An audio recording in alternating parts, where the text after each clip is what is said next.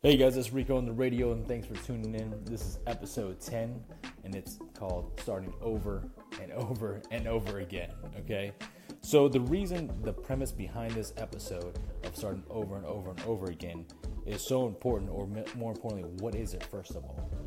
The what is of this specific topic is whenever I came home from Iraq or Afghanistan, I had to start over. I had to reconnect with my friends, I had to reconnect with my son.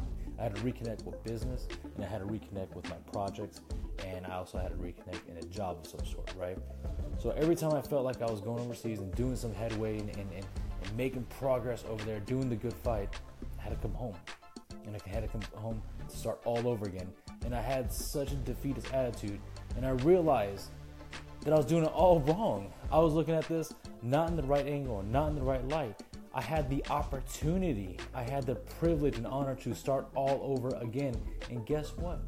I had the opportunity to do whatever the hell I wanted. So I tried many different things. And it, it was painful not only for my family, but also for myself because I always second guess myself and said, I'm not good at these things and I don't know what I'm doing. But I didn't look it in the right light. So I had to gain new skill sets. I had to reach deep in my pocket, in my cookie jar, if you will, and reach into the skill set of fortitude and discipline and and and dedication to a new skill set that I want to learn. So that's what I tried. So I looked at it a different way. And the reason this is important is because you're going to come back home either from Iraq or Afghanistan or a tour of duty or wherever you are, and you're going to have to start over. It's just the way it is. It's going to be tough and it's going to be hard but it's okay. It gives you an opportunity, to guess what, to start over at something new or something different, to try a different approach, try to reconnect different uh, relationships or whatnot.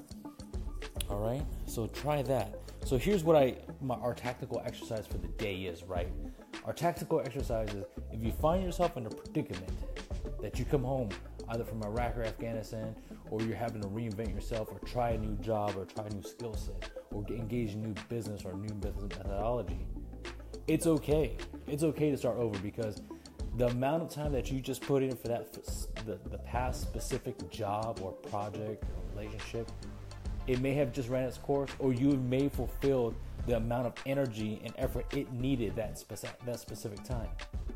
Because tomorrow you're going to go to you, tonight you're going to go to sleep and tomorrow you're going to wake up and guess what? You get to start over over again. And that's okay. And that's the beauty of it all is that you get to choose to what how much effort you want to put, where you want to put your effort, and how much you want to kick ass. All right, guys. So try that. Thanks for tuning in, and much love.